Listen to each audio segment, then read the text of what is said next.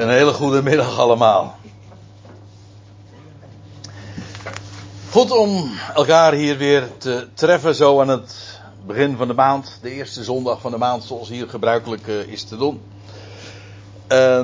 u ziet het, het onderwerp van vanmiddag is het kwade overwinnen. Met daarbij de vraag, hoe dan wel? De titel is ontleend aan een Bijbelvers. En wel, en ik lees hem meteen maar eventjes voor uit de NBG-vertaling, NBG 51. Ik kom straks nog wel eventjes uh, erover te spreken. Zojuist is er al even een schot voor open doel gegeven door, de, door jouw uh, dubbele. Maar ik wil inderdaad wat meer inzoomen op de details. Daar staat in Romeinen 12 dit. Zo eindigt het hoofdstuk ook.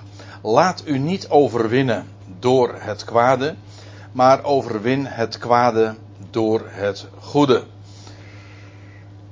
Dat is nogal algemeen gesteld, want je kunt natuurlijk eh, daarbij dan meteen al de vraag stellen: ja, wat bedoelt Paulus nou eigenlijk met het kwade? Dat is nogal abstract en een groot containerbegrip. Je kan daar van alles eh, mee eh, bij bedenken. En dat geldt trouwens ook voor het tegendeel, namelijk wat bedoelt hij met het goede dan wel? En ook de vraag wat bedoelt hij met overwinnen? En trouwens ook met overwonnen worden. Laat u niet overwinnen door het kwade. Wat bedoelt hij daarmee? En omgekeerd, overwin het kwade door het goede. Wat bedoelt hij hier dan met dat overwinnen? Nou, Daarover kun je natuurlijk gaan speculeren, maar het lijkt mij heel wat beter om even te kijken in wat voor context staat dit nu eigenlijk. En dan blijkt dat zo'n vers uh, zoveel meer diepgang krijgt en ook een hele concrete betekenis. Als ik zeg het verband, dan bedoel ik niet dat we nou beginnen bij Romeinen 1, vers 1, want dat wordt echt even te veel. Want Eigenlijk is het zo dat uh, de Romeinenbrief uiteenvalt. Nou ja, uiteenvalt. Je kunt verdelen, het valt helemaal niet uiteen, want het is één mooi samenhangend geheel. Maar in ieder geval, de eerste elf hoofdstukken, dat is leerstellig. Dat wil zeggen, onderwijst Paulus heel uitdrukkelijk over het evangelie van God, waartoe hij gesteld was om dat onder de natieën te vertellen. En vanaf hoofdstuk 12 geeft hij heel veel praktische instructies Eigenlijk allemaal gebaseerd op het onderwijs wat hij in de eerste helft hoofdstukken vertelde. Het begint dan ook, Romeinen 12 begint met. Uh, wordt hervormd. Nee, uh, nou, god. Terwijl. Nou, neem ik het. Ja, ik. Precies, ja. Ik roep u dan op, broeders. Met beroep op de barmhartigheden Gods. Ja, dat is wat ik wilde zeggen. Met andere woorden, meteen als hij die die instructies gaat geven, dan doet hij dat gebaseerd op de dingen die hij juist in het voorgaande had verteld. Dus er is een directe samenhang tussen de praktijk en de theorie. Ik hou niet zo van dat woord, maar in ieder geval het onderwijs. Als ik zeg dat ik de context wil lezen, dan begin ik bij vers 17. Want daar vangt uh, dat gedeelte aan waar hij dan vervolgens uiteindelijk in eindigt in vers 21. Hij zegt dan dit. Vers 1, vanaf vers 17 dus. Vergeld niemand kwaad met kwaad. En hier zie je meteen ook alweer de samenhang met het eerste vers wat ik eh, las, vers 21. Want ook daar ging het over overwonnen worden door het kwade. Vergeld niemand kwaad met kwaad. Dat wil zeggen, er wordt jou kwaad aangedaan, ongeacht wat. Dat zou je natuurlijk gewoon kunnen betaald zetten, terugbetalen, vergelden met, uh, met ander soort kwaad. Nee, zegt Paulus, doe dat nou niet. Vergeld niemand kwaad met kwaad. En dan hebt het goede voor met alle mensen. Hebt het goede voor ogen, staat er eigenlijk letterlijk. Goedemiddag. Hey. En hebt het goede voor ogen van alle mensen. Uh, u ziet trouwens, het is net even anders dan uh, in de vertaling wordt weergegeven. In de MBG-vertaling. Er staat maar niet hebt het goede voor met alle mensen, maar hebt het goede voor ogen van alle mensen. Ziet u? Van alle mensen. En dat is uh, toch wel een apart verhaal. Zeker als je weet dat Paulus in de elf hoofdstukken die daaraan vooraf gegaan zijn, uh, zulke geweldige dingen heeft verteld over het goede dat God voornemens is met alle mensen. En tegen die achtergrond moet ik zeggen dat zo'n instructie ineens zoveel meer waarde krijgt. Hebt het goede voor ogen van alle mensen. Dat verwijst bijvoorbeeld terug naar Romeinen 5 vers 18, waar hij ook spreekt over alle mensen. En in dit gezelschap is dat niet eens een onbekend vers. Ik moet er wel bij zeggen dat als ik dat zo formuleer, dan kan ik dat alleen maar zeggen. In dit gezelschap is dat een, uh, geen onbekend vers, maar in het algemeen uh, is het volstrekt onbekend. En niet alleen op Urk. Maar laat ik, uh, laat ik dan even zeggen wat ik bedoel. Romeinen 5 vers 18. Zo dan. Dat is een conclusie. Er zijn dus, dus nu een heel aantal hoofdstukken terug. Zo dan. Paulus had Adam tegenover Christus geplaatst. En dan uiteindelijk dan volgt in telegramstijl, want zonder enig werkwoord in deze hele lange zin, zegt hij, uh, daar trekt hij de conclusie zo dan. Zoals door één misstap voor alle mensen tot veroordeling was, zo ook door één rechtsuiting voor alle mensen tot rechtvaardiging van leven. Dat is eigenlijk de clue van dat hele Romeinen 5. Want ja, hij had eigenlijk verteld over dat uh, er één misstap was. Het eten van de verboden vrucht. En door die ene daad ja, is het voor alle mensen tot veroordeling gekomen. En alle mensen zijn veroordeeld, gewoon omdat ze ademieten zijn. Om buiten het bereik van de boom des levens te sterven, stervende sterven, te sterven en zondaar te zijn, zondaar en sterveling. Nou, dat is het lot van heel de mensheid. En dat is door één misstap. Nou, zegt Paulus, uh, zo is het ook door één rechtsuiting, één daad van gehoorzaamheid, zoals die ene misstap een daad van ongehoorzaamheid was, zo ook door één rechtsuiting voor alle mensen tot rechtvaardiging van leven. Dit is concreet, dat wil zeggen, het is een, de vaststelling van een feit. Alle mensen zijn veroordeeld om sterveling en zondaar te zijn. Wel, op dezelfde wijze is die ene rechtsuiting, die ene daad van gehoorzaamheid, dat is vers 19 trouwens, voor alle mensen tot rechtvaardiging van leven. Het is zo eenvoudig dat een klein kind dit kan begrijpen, omdat de logica onmiskenbaar en ook onweerstaanbaar is. waar het om gaat, is dat God dit voornemens is met alle mensen. Wij zitten nu nog zeg maar in fase 1. Namelijk, we ondervinden allemaal dat alle mensen veroordeeld zijn. Ja, om zondaar, maar ook sterveling te wezen. Maar dit is absoluut ook de consequentie van die ene rechtsuiting. Dit vond 6000 jaar geleden, pak weg, plaats, die ene misstap dit 2000 jaar geleden. Maar de consequenties zijn universeel en ook onweerstaanbaar. En zonder uitzondering. Gewoon voor alle mensen. Rechtvaardiging, maar ook leven. Geweldig. Eigenlijk is dit de clue van het evangelie. Paulus had dat in Romeinen 3 ook al zoiets gezegd. Maar waarom haal ik dit aan? Wel omdat Paulus dus zegt in vers 12: hebt het goede voor ogen van alle mensen. Weet u, het helpt enorm dat als je dealt met mensen, en ja, dat is wat je nu eenmaal uh, de hele dag doet, toch? Ja, tenzij je een kluisenaar bent, maar uh, zelfs dan ontkom je er niet altijd aan.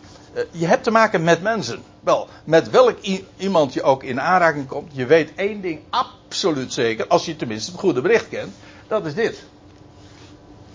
Ja, inderdaad, ze zijn stervelingen en zondaren. Dat is onmiskenbaar, er is geen uitzondering op. Maar je weet ook, dit is dat wat God te melden heeft.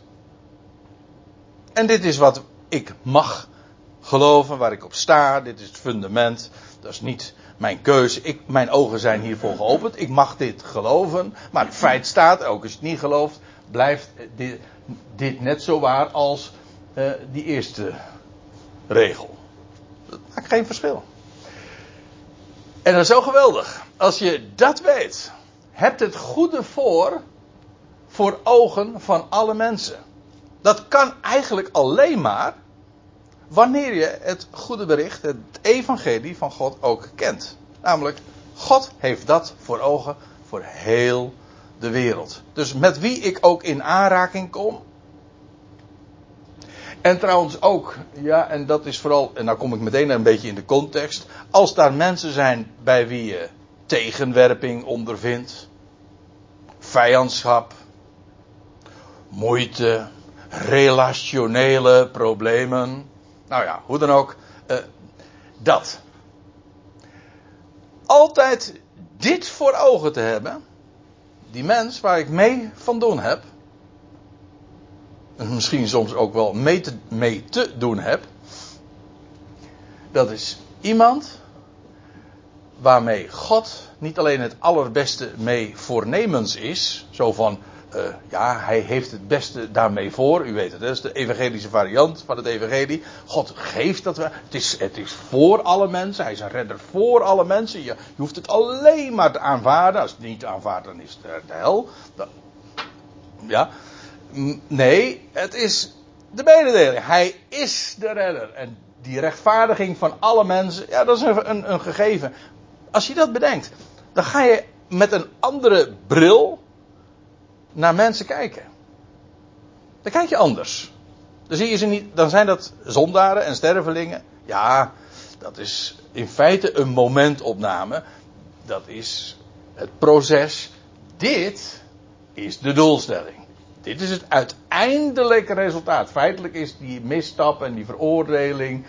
Ja, dat is een onderdeel van uh, dat wat God gaat bereiken. Nou, hebt het goede voor, van, voor ogen van alle mensen. Altijd dat voor ogen te houden. Dat is mooi, hè, zoals dat er ook letterlijk staat. Helaas in de vertaling is het helemaal uitgeslopen. Maar het staat echt letterlijk: heb het voor ogen. Heb het voor ogen. Houd dat altijd in gedachten. Dat is het perspectief. Van alle mensen. En ja, heb het goede voor ogen van alle mensen. Dat is, uh, het is niet zo van ja, die wel en die niet. Nee, voor alle mensen. Zoals God dat heeft. Oké, we lezen even verder. Voor zover het van jullie afhangt, hebt vrede met alle mensen. Ik denk dat dat eerste, wat, ik, wat in vers 17 stond, eigenlijk al de basis is. Als je dat het goede voor ogen hebt van alle mensen, zo met uh, die blik ook daarnaar kijkt, dan kijk je dus eigenlijk met de ogen van God. Zo van, dat is wat ik in petto heb met heel de wereld en met alle mensen. Nou, ja, dat vergemakkelijkt uh, de omgang, maar dat is ook precies wat hier staat. Voor zover het van jullie afhangt, hebt vrede met die alle mensen. Al die mensen, zo, moet ik het eigenlijk zeggen. En natuurlijk moet je daar een, eh, een restrictie bij maken, want ja, uh, we zeggen dan it takes two to tango. Uh, dat geldt hier voor, voor vrede ook. Ja, daar, heb, daar heb je er twee voor nodig. Er zijn van die dingen, daar heb je er toch echt twee voor nodig. En dat is voor onderlinge vrede ook. En als er één absoluut daar niet voor in is, ja, dan kan jij het wel graag willen, maar dat werkt daar niet. Daarom zegt Paulus ook: voor zover het van jullie afhangt, het vrede met alle mensen. Zoals trouwens God nu ook in een verhouding met van vrede is. In feite is dat ook de boodschap van verzoening. De verzoening is niks anders dan dat vijandschap omgezet wordt in vrede. Dat is verzoening. Er is vervreemding, er is vijandschap en God verzoent. Dat wil zeggen, hij maakt vijanden tot vrienden. En ongeacht wie die mensen dan ook zijn, of dat collega's zijn, of het is verderop, het is in de familie of in de, nou ja, in de buurt. Voor zover het van jullie van heb vrede met alle mensen, wie dan ook, waar jij mee in aanraking komt. En dan nog iets. De instructies die hij in deze verse geeft, dat begint eigenlijk al vanaf vers 9 ik ben pas halverwege ingehaakt in vers 17, maar uh, die staan soms min of meer los van elkaar en soms staan ze juist ook heel erg in verband met elkaar. Dat is hier trouwens ook. Vanaf vers 17 staat het allemaal, uh, vloeit het ene voort uit het andere. Hier staat in vers 19, wreekt jezelf niet, uh, geliefde, maar geeft plaats aan de toren dat wreken, u ziet trouwens dat ook in, de, in die interlineair, dat is eigenlijk recht verschaffen. Eigenlijk is wraak ook altijd rechtsherstel. Bij ons heeft het soms een hele negatieve klank waarbij je je wreekt en de ander betaald zet. Weet je wel, die ander heeft jou iets aangedaan en die ander die, die vergoed jij zeg maar dubbel en dwars. Nee, uh, wreek is rechtsherstel. De balans weer te herstellen. Zodat er weer een sprake is van een rechtsherstel. Recht verschaffen dus. Ja, maar Paulus zegt dan: doe dat nou niet voor jezelf. Wreekt jezelf niet, geliefde. De nadruk ligt hier op de woorden jezelf. Maar ik moet er tegelijkertijd bij zeggen: het is geen pleidooi van Paulus tegen wraak. En ook niet tegen toorn of boosheid. Dit is niet soft, zoals Paulus dit vertelt. Want hij zegt: wreek jezelf niet, geliefden. Dat is wat je geacht wordt te weten. Je bent geliefd hè, door God. Want hij houdt onvoorwaardelijk. Hier wordt een woord gebruikt, agape. Dat is onvoorwaardelijk liefde. We zijn onvoorwaardelijk geliefd. Maar Paulus zegt, wreek jezelf niet, maar daarbij, maar geeft plaats aan de toren. Geeft ruimte aan toren.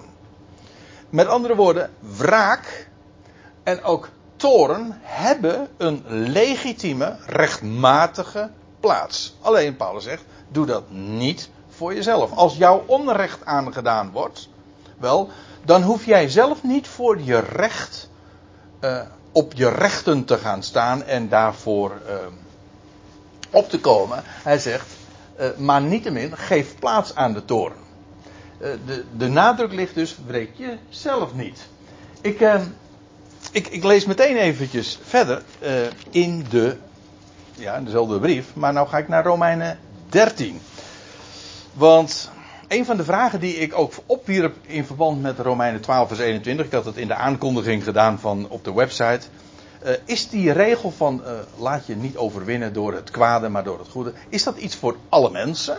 En wreek jezelf niet. Is dat, geldt dat voor iedereen? En dan ga ik, wil ik u nu vertellen dat als hier staat wreek jezelf niet, dat geldt niet voor de overheid. Dit is wat Paulus schrijft aan de gelovigen te Rome. Maar hij adresseert dit niet aan de overheid. De overheid heeft namelijk, de overheidsinstanties die gevolmachtigd zijn, die hebben van Gods wegen een andere roeping. Het is belangrijk dat je de dingen niet door elkaar gooit. Je moet weten aan wie je dat richt. De overheid namelijk heeft wel degelijk de taak om te wreken. En daarbij uh, in feite uh, straf te geven, oftewel te tornen. En Paulus zegt ook: wreek jezelf niet, maar geeft plaats. Oftewel, geef ruimte aan de toorn. Die is er namelijk wel, alleen je zou het zelf niet doen. Romeinen 13, vers 4. Dit sluit dus direct aan op Romeinen 12. Hè? Ja, wij hebben er hoofdstukindelingen van gemaakt. Maar Romeinen 13 volgt gewoon, in feite naadloos, sluit dat aan op Romeinen 12. En zelfs ook qua onderwerp, want de termen die hier gebruikt worden in 12 vers 19, namelijk toorn en ook wraak, die worden vervolgens een paar versen later in Romeinen 13 gebruikt in verband met de overheid. Let op, dan staat er dit. Want zij, en dan gaat het over de overheid en ook over de overheidspersonen, de regering, degene die boven je gesteld zijn. Want zij, staat er, uh, is een bediende, een dienaar of een dienares van God. Zo staat het geloof ik in de Statenvertaling ook, een dienaresse Gods. Uh, jou ten goede, u ten goede. Dat wil zeggen, de overheid is een instantie die gevolmachtigd is en in feite een bedienaar is van God zelf. Een bediende van God, dus God eh, bedient zich van de overheid en wel voor jou ten goede. Maar zegt eh, Paulus er nog bij, maar in het geval dat je kwaad zou doen, hebben we het weer, kwaad zou doen, vrees. Ja, voor wie? Nou, voor die overheid. Ik zal het laten zien. Maar in dit geval trouwens, wat, wat zou Paulus bedoelen met, uh, maar in het geval dat je kwaad zou doen? Dat is niet zo moeilijk hoor. Want hij begon uh, dat Romeinen 13 met uh, die instructies over de overheid met de woorden: ieder mens zou zich onderschikken aan de overheden, aan de overheden die boven hem gesteld zijn. Dat is goed. Ieder mens namelijk. Iedere ziel geldt dus niet. Dat is trouwens ook niet alleen maar iets voor gelovigen. Nee, dat geldt voor iedere ziel. Die zou zich schikken onder de instanties, de overheden die boven hem gesteld zijn. Wat. Dat is goed. Wat trouwens. Moet ik één ding erbij zeggen. Weet u trouwens dat er een verschil is? Er staat je onderschikken aan de overheden. Dat is wat anders dan altijd die overheden gehoorzamen. Want soms er zijn omstandigheden waarbij je je wel onderschikt, maar waarbij je niet gevolg kan geven aan een commando dat jou gegeven wordt. Jij moet iets doen van de overheid en dat kan je niet doen, bijvoorbeeld vanwege het geweten. Zoals aan Petrus ooit de instructie werd gegeven van dat hij zou zwijgen over het evangelie. En toen zei hij van, ja, uh, dat zou ik wel willen. Jullie, uh, ik onderschik mij wel aan jullie. Jullie blijven de instantie waaraan ik mij onderschik. Maar dit kan ik niet doen, want ik moet God meer gehoorzamen, gehoorzamen dan mensen. Dat kan. Dus dat is de uitzondering. Maar dan, zelfs als je het niet kunt gehoorzamen, dan blijft daar die houding van, zij is de meerdere, ik de mindere, ik zou me onderschikken aan die instantie.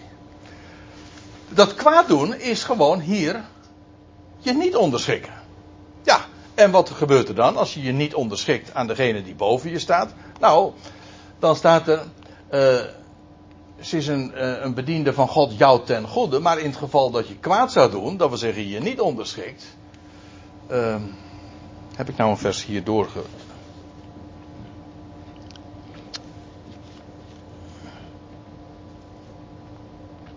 Nee, toch niet.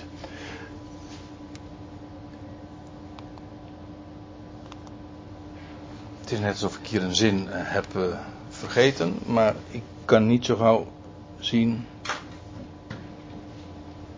Want zij draagt het. Nee, dat, het klopt wel. Het klopt helemaal. Want zij draagt, zij, de overheid dus, draagt het zwaard niet te vergeefs. Want zij is een bediende van God. Dat had hij eerder in de zin ook, in het vers ook al gezegd. Zij, de overheid, is een wreekster in toorn voor wie? Voor degene die het kwaad verricht, namelijk die zich niet onderschikt aan de overheid. Het idee is dat de overheid inderdaad aan haar is een zwaard gegeven. En een zwaard dient inderdaad, ja, toch echt als afschrikking, dat is één ding, maar ook gewoon om uh, straf uit te oefenen. Feitelijk zelfs, als ik het helemaal strikt genomen zeg. De doodstraf uit te oefenen. Maar goed, dat is weer een onderwerp apart. In ieder geval, de overheid draagt een zwaard. En niet te vergeefs. Dat is haar namelijk van Gods wegen toevertrouwd. Kijk, zie je, dat is een groot verschil. Wij individueel, als burgers zeg maar, maar ook als gelovigen, wij zouden het zwaard niet opnemen. Werd trouwens ook, ik, had het zojuist over Petrus, maar tegen Petrus werd ooit gezegd, toen hij dat wel deed in, in de hof van Gethsemane, van een, uh, doet zeker het zwaard in, in, weer in de schede. Hij zei, want een ieder die het zwaard opneemt, die zal door het zwaard vergaan. Een mens zou niet het recht in eigen handen nemen. Als hem onrecht aangedaan wordt, laat, geef plaats aan de toren. Dat wil zeggen, laat dat aan, bij de instantie aan wie het is toevertrouwd. Maar doe dat niet zelf. Haar is een zwaar toevertrouwd. Niet te vergeefs. En ze zou dat ook gewoon gebruiken. Daarin is ze ook een bediende van God. En zij wreekt dus wel. Ziet u dat als, als Paulus zegt: wreek jezelf niet. Dat dat niet universeel is. Nee, er zijn instanties. Bijvoorbeeld de overheid. Die inderdaad wel wreekt. En wel in toren optreedt. Namelijk voor degene die het kwaad verricht. En daar hecht ik eraan om te zeggen van ja, dat die instructies die Paulus hier geeft, dat zegt dat schrijft hij aan gelovigen individueel. Hij schrijft dat niet. Hij schrijft geen brief aan keizer Nero of aan de overheidsinstanties of aan het parlement of weet ik veel wat. Of aan de politie. Nee, heel specifiek aan gelovigen. En zij wreekt in toren. Uh, ik ga weer even terug naar Romeinen 12. Uh, er stond dus: wreek jezelf niet, geliefde, maar geef plaats aan de toren. Want er staat geschreven: aan mij, dus met een hoofdletter, komt de wraak toe. Ik zal het terugbetalen. Maar Paulus citeert hier uit eh, de Tenach, uit het Oude Testament. Er staat geschreven: aan mij komt de wraak toe. En ik zal het terugbetalen. Ziet u trouwens, terugbetalen, vergelden, is in feite ook positief. Is je onrecht aangedaan? Kom je tekort? Je wordt terugbetaald. Komt in orde. Dat doe ik namelijk. Daar, zal, daar zorgt God persoonlijk voor. Het kan zijn dat de overheid dat voor je doet. Als je onrecht is aangedaan, dan kun je bij de overheid aankloppen. En bijvoorbeeld naar, voor rechtsverschaffing. Maar eh, als dat niet gebeurt, wel, God maakt het op zijn tijd, zet hij de dingen weer recht. En daarom zegt hij ook van, dat kun je gerust doen, geef nou maar gewoon ruimte daarvoor. Geef het, o, dat is overgave, vergeef het. Vergeven betekent letterlijk ook je overgeven. Laat het los.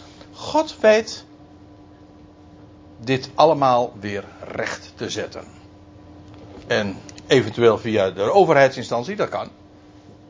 Er is niks mis mee. Integendeel, daar is er ook voor uh, de godswegen uh, ingehuurd, om zo te zeggen. Want er staat geschreven: aan mij komt de wraak toe. Ik ga het allemaal, ik zal al het onrecht ga ik herstellen. Ik zal het terugbetalen, zegt de Heer. Don't worry. Kijk, dat is ook weer een, uh, een enorme ja, rustpunt. Dat hoef jij. Ik hoef mezelf niet te wreken, want je hebt van die mensen. Tegenwoordig uh, lees ik uh, nog wel eens een keer de Telegraaf en dan kan, krijg ik ongetwijfeld uh, kritiek daarop te horen. Zeggen, jij hoort de Telegraaf niet te lezen, maar goed, dan zie ik, kijk, ik, een van de interessantste rubrieken vind ik altijd de ingezonden brieven.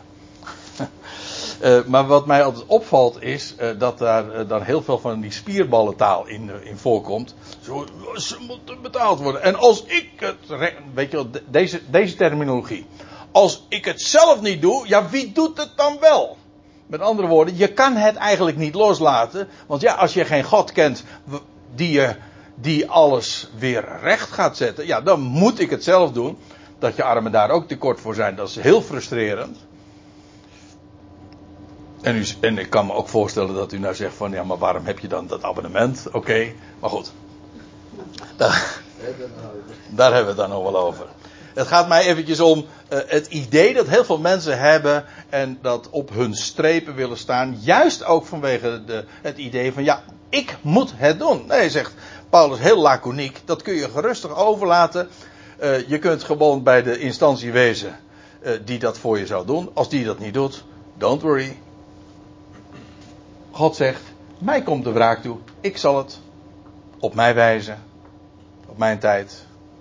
Ook gewoon allemaal weer terugbetalen. Je krijgt alles wat je uh, tekort hebt gekregen, komt allemaal weer in orde. Nou, ja, je gelooft dat of je gelooft het niet.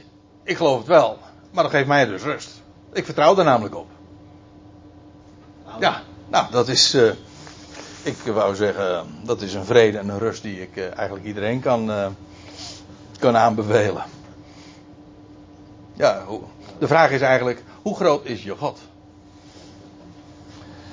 En ik heb daar heel veel verduzie in. Ik heb daar heel wat meer verduzie in dan in mijn vermogen om de dingen recht te zetten. Want geheid dat uh, de arm van de mens daarin dikwijls te, veel te kort is.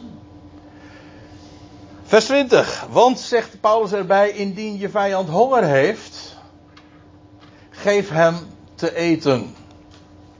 En indien hij dorst heeft, geef hem te drinken. Kijk, dit is nou typisch een, uh, een voorbeeld waarbij het heel concreet wordt wanneer je kwaad ondervindt. Iemand is jou vijandig. Hij doet jou onrecht. En wat kun je dan doen? Nou, Paulus zegt, wreekt jezelf niet. Laat plaats voor de toorn, geef het gewoon maar over aan God. En wat, dat is de ene kant. Dat betekent dus eigenlijk breek jezelf niet je geeft het over. Dat is negatief, je doet dus niks. Maar de positieve kant van het verhaal is dat als je daar met, zulke vijandschap en met zulke tegenwerking te maken hebt. Ja, uh, wat kan jij dan doen? Nou, zegt Paulus. Uh, als nou je vijand in een staat is van behoefte, hij heeft honger. Of hij heeft dorst. Geef hem te eten, geef hem te drinken.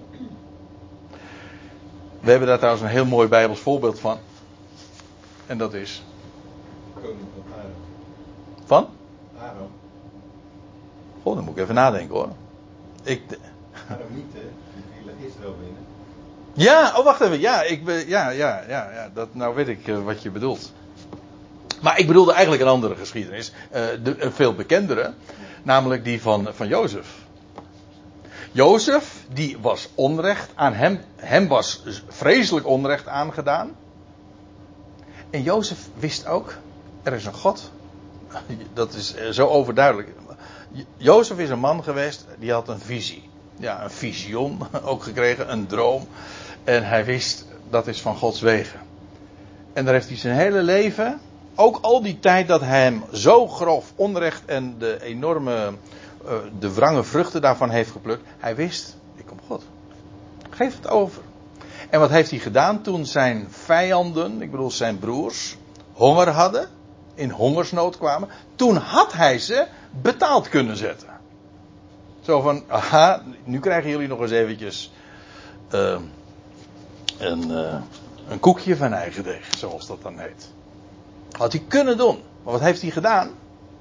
Jozef wilde zijn broers die vijandig naar hem waren, hem ook niet vertrouwden trouwens.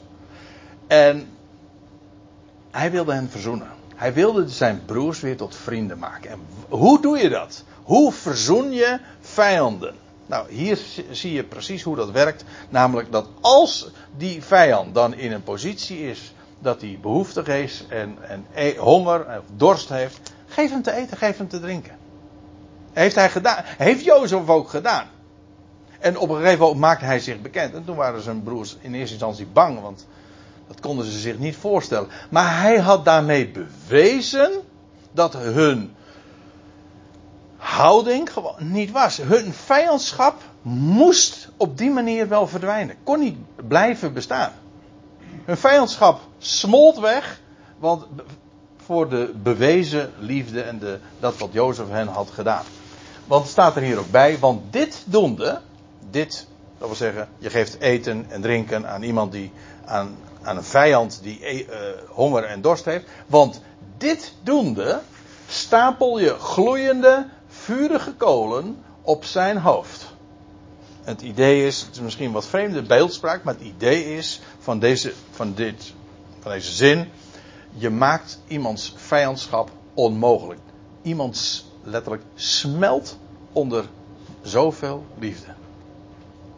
Iemand kan, die, die broers die konden niet vijandig blijven nadat Jozef hen eten had gegeven, drinken had gegeven, dat allemaal had bewezen. Zij hadden, waren vijanden en Jozef deed dit.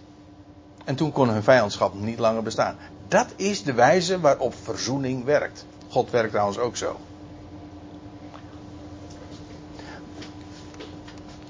Maar dit doende stapel je gloeiende, vurige kolen op zijn hoofd. En nou komen we bij vers 21, weer opnieuw, waar de titel van deze toespraak, van deze studie is ontleend. En nou lees ik hem meteen even zoals het er heel vrij letterlijk staat. Hoewel het misschien wat vreemd klinkt, zeker die eerste zin. Wordt niet overwonnen onder het kwade. Staat, ja, je zou in het Nederlands moeten zeggen door het kwade. Er staat eigenlijk het voorzetsel onder. Ik vind het eigenlijk ook wel mooi, want als je wordt overwonnen, dan ben jij de onderliggende partij. Je wordt overwonnen onder het kwade. het kwade heeft je overmocht. En jij bent de onderliggende partij en het kwaad heeft jou eigenlijk, zeg maar, ja, gewonnen. Ja, wanneer gebeurt dat? Wanneer heeft het kwaad jou te pakken? Nou, wanneer jij kwaad met kwaad vergeldt. Dan ben je namelijk exact dezelfde positie als waar je tegenstander zich in bevindt. Zij doen jou kwaad en wat doe, doe jij terug? Nou, dan, is, heeft het, dan ben jij gewonnen of overwonnen door of onder het kwade. Wat is het alternatief? Wordt niet overwonnen onder het kwade, vergeld geen kwaad met kwaad. Maar, staat er, overwin in het goede het kwade. Ja, en u ziet het, hier staat het niet door, maar gewoon het Griekse voorzetsel in. Het idee is, kijk, als je zegt overwin door het goede het kwade, dan is het goede het, het, het wapen, het instrument. Door middel van het goede uh, overwin je dan het kwade. Maar het, het, het goede is geen instrument. Het is geen wapen om het kwade te bestrijden. Dat is zoals de NBG-vertaling dat heeft. De Statenvertaling trouwens ook. Die zegt overwin het kwade door het goede. Er staat niet door het goede.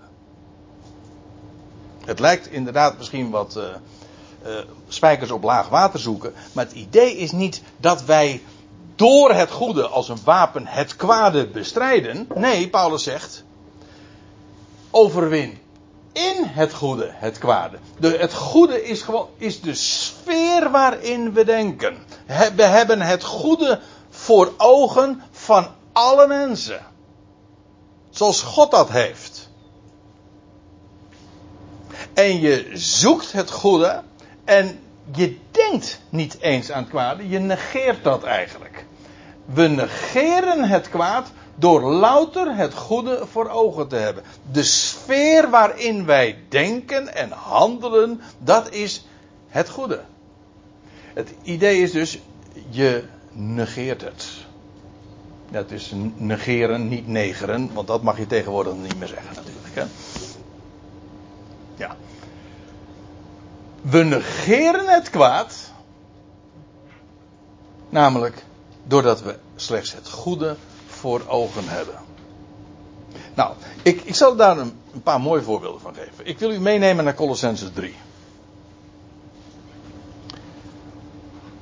Ja, Colossenses 3, daar staat in vers 13, zojuist is al voorgelezen uit dat hoofdstuk, maar ik ga even een paar versen later, uh, later uh, aanhaken. Daar staat in vers 13 dit. Verdraagt elkaar, wordt tegen de gelovigen in Colosse gezegd, verdraagt elkaar daar is soms, eh, als je met elkaar optrekt, is verdraagzaamheid uh, onontbeerlijk.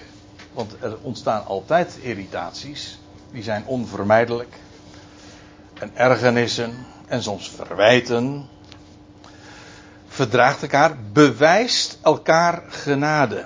En als u nou meeleest in uw vertaling, dan staat hier niet bewijst elkaar genade. Hè? Dan staat vergeeft elkaar. Maar dat staat er niet.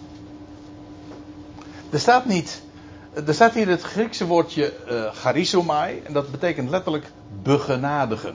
Vergeven wil zeggen. Ik had het er zojuist al even over. Vergeven wil eigenlijk gewoon zeggen. Je geeft vergeven, overgeven, loslaten.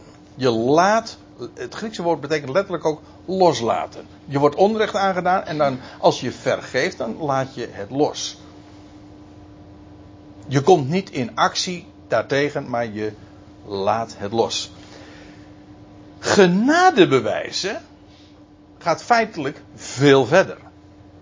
Genadebewijzen is trouwens ook positief. Vergeven wil zeggen, je doet iets niet. Je laat het los. Be genadebewijzen, dat is, daar zit het Griekse woordje charis in. Het Hebreeuwse woord gein trouwens. En dat is vreugde. Vreugde om niet. Je bewijst de ander vreugde. Je maakt, begenadigen is dus, charizomai, dat wil zeggen, je maakt de ander blij. Om niet. Niet voor wat hoort wat zo van, nou jij hebt dat voor me gedaan, nou maak ik jou ook blij. Nee, bewijst elkaar, genade wil zeggen, je doet het puur om niet. Zonder dat daar een tegenprestatie voor gevraagd wordt of aan vooraf moet gaan of als voorwaarde gesteld wordt. Nee, vreugde om niet. Bewijst elkaar vreugde. En nou komt het. Indien iemand tegen een ander een klacht heeft. Ik zei al, dat is onvermijdelijk toch? Als, we, als je met elkaar optrekt, dat geldt in een, in een geloofsgemeenschap waarin je nauw met elkaar leeft. Kijk, hier valt dat over het algemeen natuurlijk wel mee, want ja, wat zien we elkaar? Eh, niet eens zo heel erg veel. Ik bedoel, eh, om, mij, om mij te verdragen, laat ik het zo zeggen, voor de, is, is, is nou ook weer niet al te moeilijk. Want ja, ik, ik leef op, uh, op hoeveel, 125 kilometer afstand van u of zoiets. Hè? Dat is heel ver, dus dan kun je het ook verdragen, ja. Maar op het moment dat je veel intensiever met elkaar omgaat, in de, in de, in de, in de, huiselijke sfeer of in de collegiale sfeer, Paulus gaat daar trouwens ook in Colossense 3 op in, in de huwelijkssfeer, dat is de meest intieme sfeer. Dat wil zeggen, dan zit je echt, uh, en dat geldt trouwens voor het huis ook.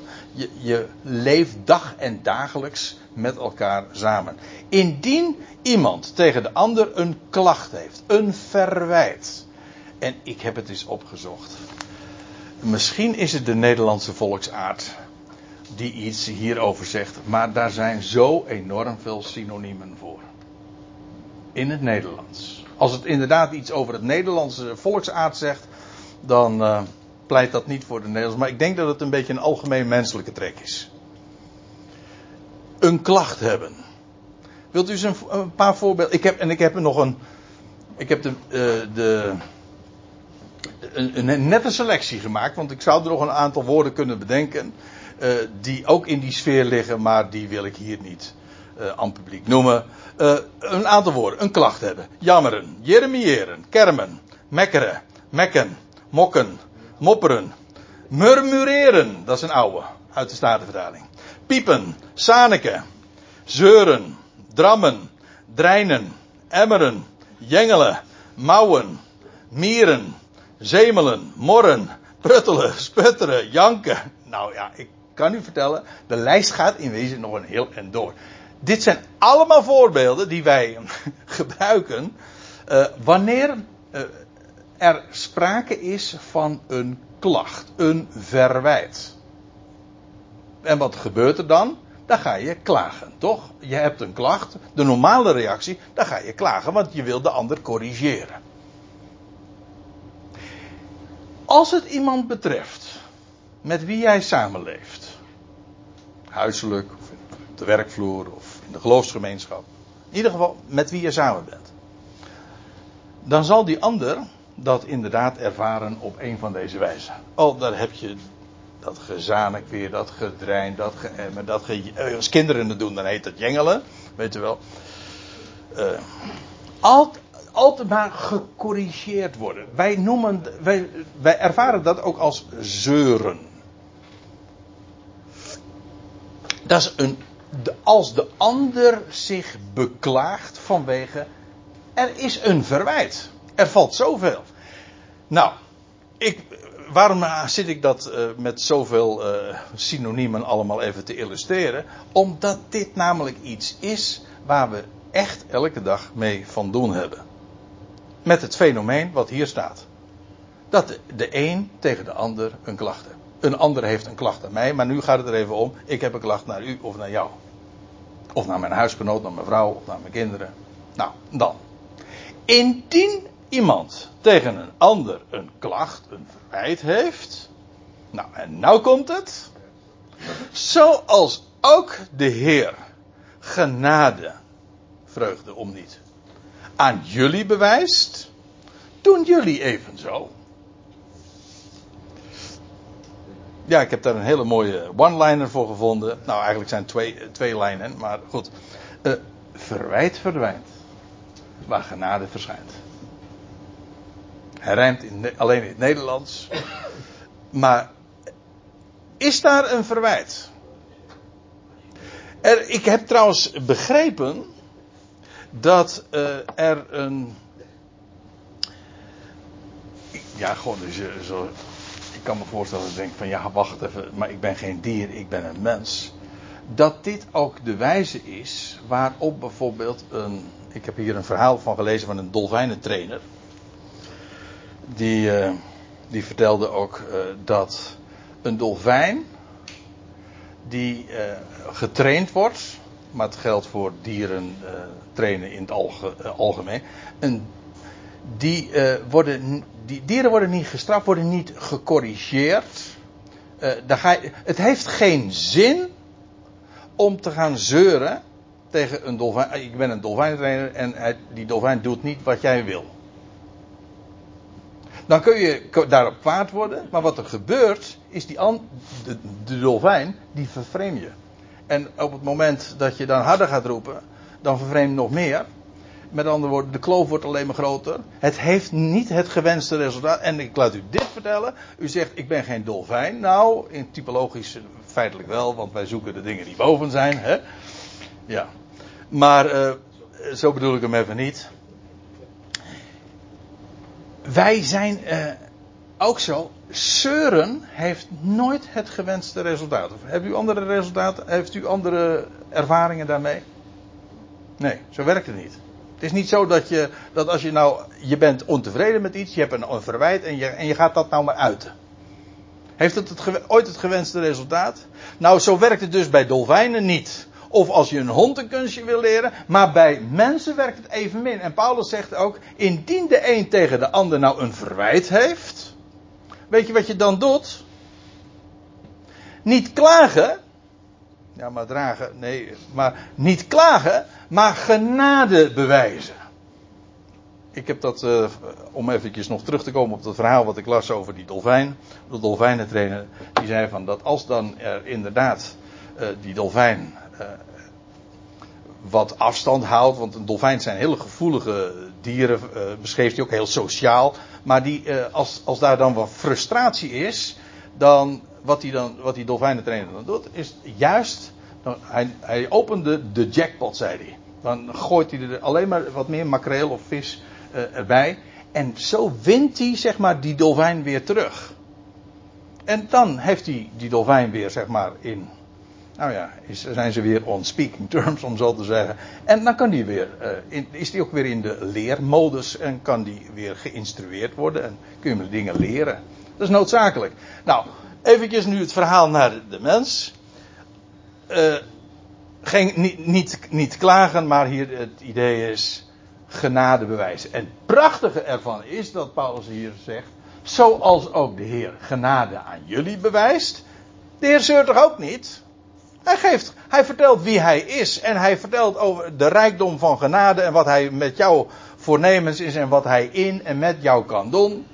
En hij vraagt helemaal niks. Ja, ik weet het. De dominee zegt anders dikwijls. Maar hij vraagt niks. De Heer zegt, belooft alleen maar. Hij, hij vraagt ook niet, uh, je moet heilig zijn. Of hij, hij, geeft dat commando niet. Nee, hij zegt, jullie zullen heilig zijn. Dat zijn, dat zijn beloften. Hij belooft alleen maar. Hij bewijst alleen maar genade. Nou, zegt wat Paulus nu zo feitelijk zegt. Zoals de Heer dat doet. En zoals Hij onze harten wint. Doen jullie dat dan ook even zo. En maak de ander gewoon blij. En wat dat vervolgens weer uitwerkt. Ja, uh, heel veel. In ieder geval word jij veranderd. En jij kunt er dan ook uh, met, uh, met die verwijten die je misschien naar de ander hebt, uh, die worden dan overroeld door genade. Heb het goede voor ogen. Weet wat die ander voor, voor in Gods ogen is. En zo daarna te kijken. En ik heb nog één voorbeeld uit Efeze 4. Het is een parallelvers min of meer. Want hier wordt in Colossense 3 gesproken over genadebewijzen. Charizomai. En in, in Efeze 4 spreekt Paulus daar ook over. In vers 31. Het laatste gedeelte van, de, van dat hoofdstuk. Hij zegt dan dit. En lees hem met mij ook eh, vanaf het scherm mee. Want ik wil u ook erop wijzen dat de, de grondtekst zoveel mooier is dan de vertalingen. Alle, eerst even dit. Alle bitterheid. Alle bitterheid. Woede. Boosheid. Geteer. Lastering. Blasfemie. Hier kraaien. Hè, luidkeels roepen. Je ziet het zelfs nog in het Grieks. Uh, dat idee.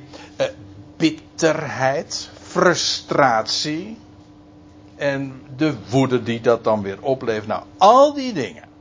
En er worden hier alle vijf, er worden hier vijf van die dingen genoemd die allemaal met elkaar min of meer samenhangen. Nou, alle bitterheid, woede, boosheid, getier en lastering, laat het weggenomen worden van jullie. Samen met alle kwaadaardigheid. Ziet u, als u de MBG-vertaling leest, dat staat worden gebannen uit uw midden. Uh, ja, worden gebannen. Dan is dus jullie. Uh, het, uh, de, het commando wordt eigenlijk gegeven: ban dat weg. Nee, er staat: laat het weggenomen worden. U ziet het hier, ik heb even expres de, de, de grammaticale vorm erbij gezegd, zoals dat in, in het lineair. Het is de passieve vorm. Laat het worden weggenomen van jullie. Al die dingen. Niet ban het uit, nee, laat het weggenomen worden van jullie. Samen met alle kwaadaardigheid. Waarna de vraag is, hoe werkt dat dan? Dat kwaad. Dat op je afkomt. Wat doe je daar dan mee? Nou, Paulus zegt dan, laat het weggenomen worden. En dan in vers 32 geeft hij het alternatief, namelijk het goede. Maar, zegt hij, wordt naar elkaar geschikt. Innerlijk welwillend moet ik even toelichten. Dat woord geschikt is, wordt vrijwel altijd vertaald met vriendelijk. In het Grieks staat daar Christos, niet Christos, maar Christos. En Christos, dat is afgeleid van een woord, u ziet dat hier in die afleiding ook, is afgeleid van een woord voor gebruik. En vandaar ook iets wat je gebruikt, dat is geschikt hè, om te gebruiken. Iets moet geschikt zijn, anders kan je niet gebruiken. Dat is een mooi woord. Waarom? Omdat wij daar uh, ook een ander woord voor hebben dat direct daarmee verwant houdt. Wij spreken over gebruiksvriendelijk. En nou komen die twee bij elkaar. Uh, ja, wees vriendelijk naar elkaar, maar eigenlijk zijn wees geschikt zodanig. Nou ja, eigenlijk hebben wij daar inderdaad een woord voor wat wij dan vooral in verband met apparatuur gebruiken. Iets is gebruiksvriendelijk. Maar wees gebruiksvriendelijk naar elkaar. Ja, ik. Uh, ik, ik, ken ook uh, het verwijt of de klacht. Zeg van ja, maar het probleem is met, met sommige mensen die hebben. Dat zijn mensen met een gebruiksaanwijzing, hè? zeggen we dan. En het probleem is, uh, iemand hoorde ik eens zeggen van, nou, ik, hoe dat zit met die gebruiksaanwijzing, volgens mij is het achtergebleven in de placenta of zo.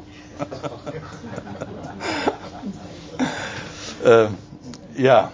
Het is trouwens wel zo, van, van, van juist de mensen met wie je omgaat, weet je al op voorhand, als, als je, al, ik, wat ik nu vertel, dat is geen verrassing voor iedereen die enige jaren getrouwd is. Je weet op een gegeven moment, dat geldt trouwens ook voor je kinderen, je huisgenoten. Je weet op voorhand al, als je even gewoon je verstand gebruikt, hoe de ander gaat reageren op wat jij gaat zeggen. Of zoiets. Wat er gebeurt. Ja, je, je kent die ander. De iemand zit op een bepaalde manier in elkaar. Ik had het net over dieren. Hè?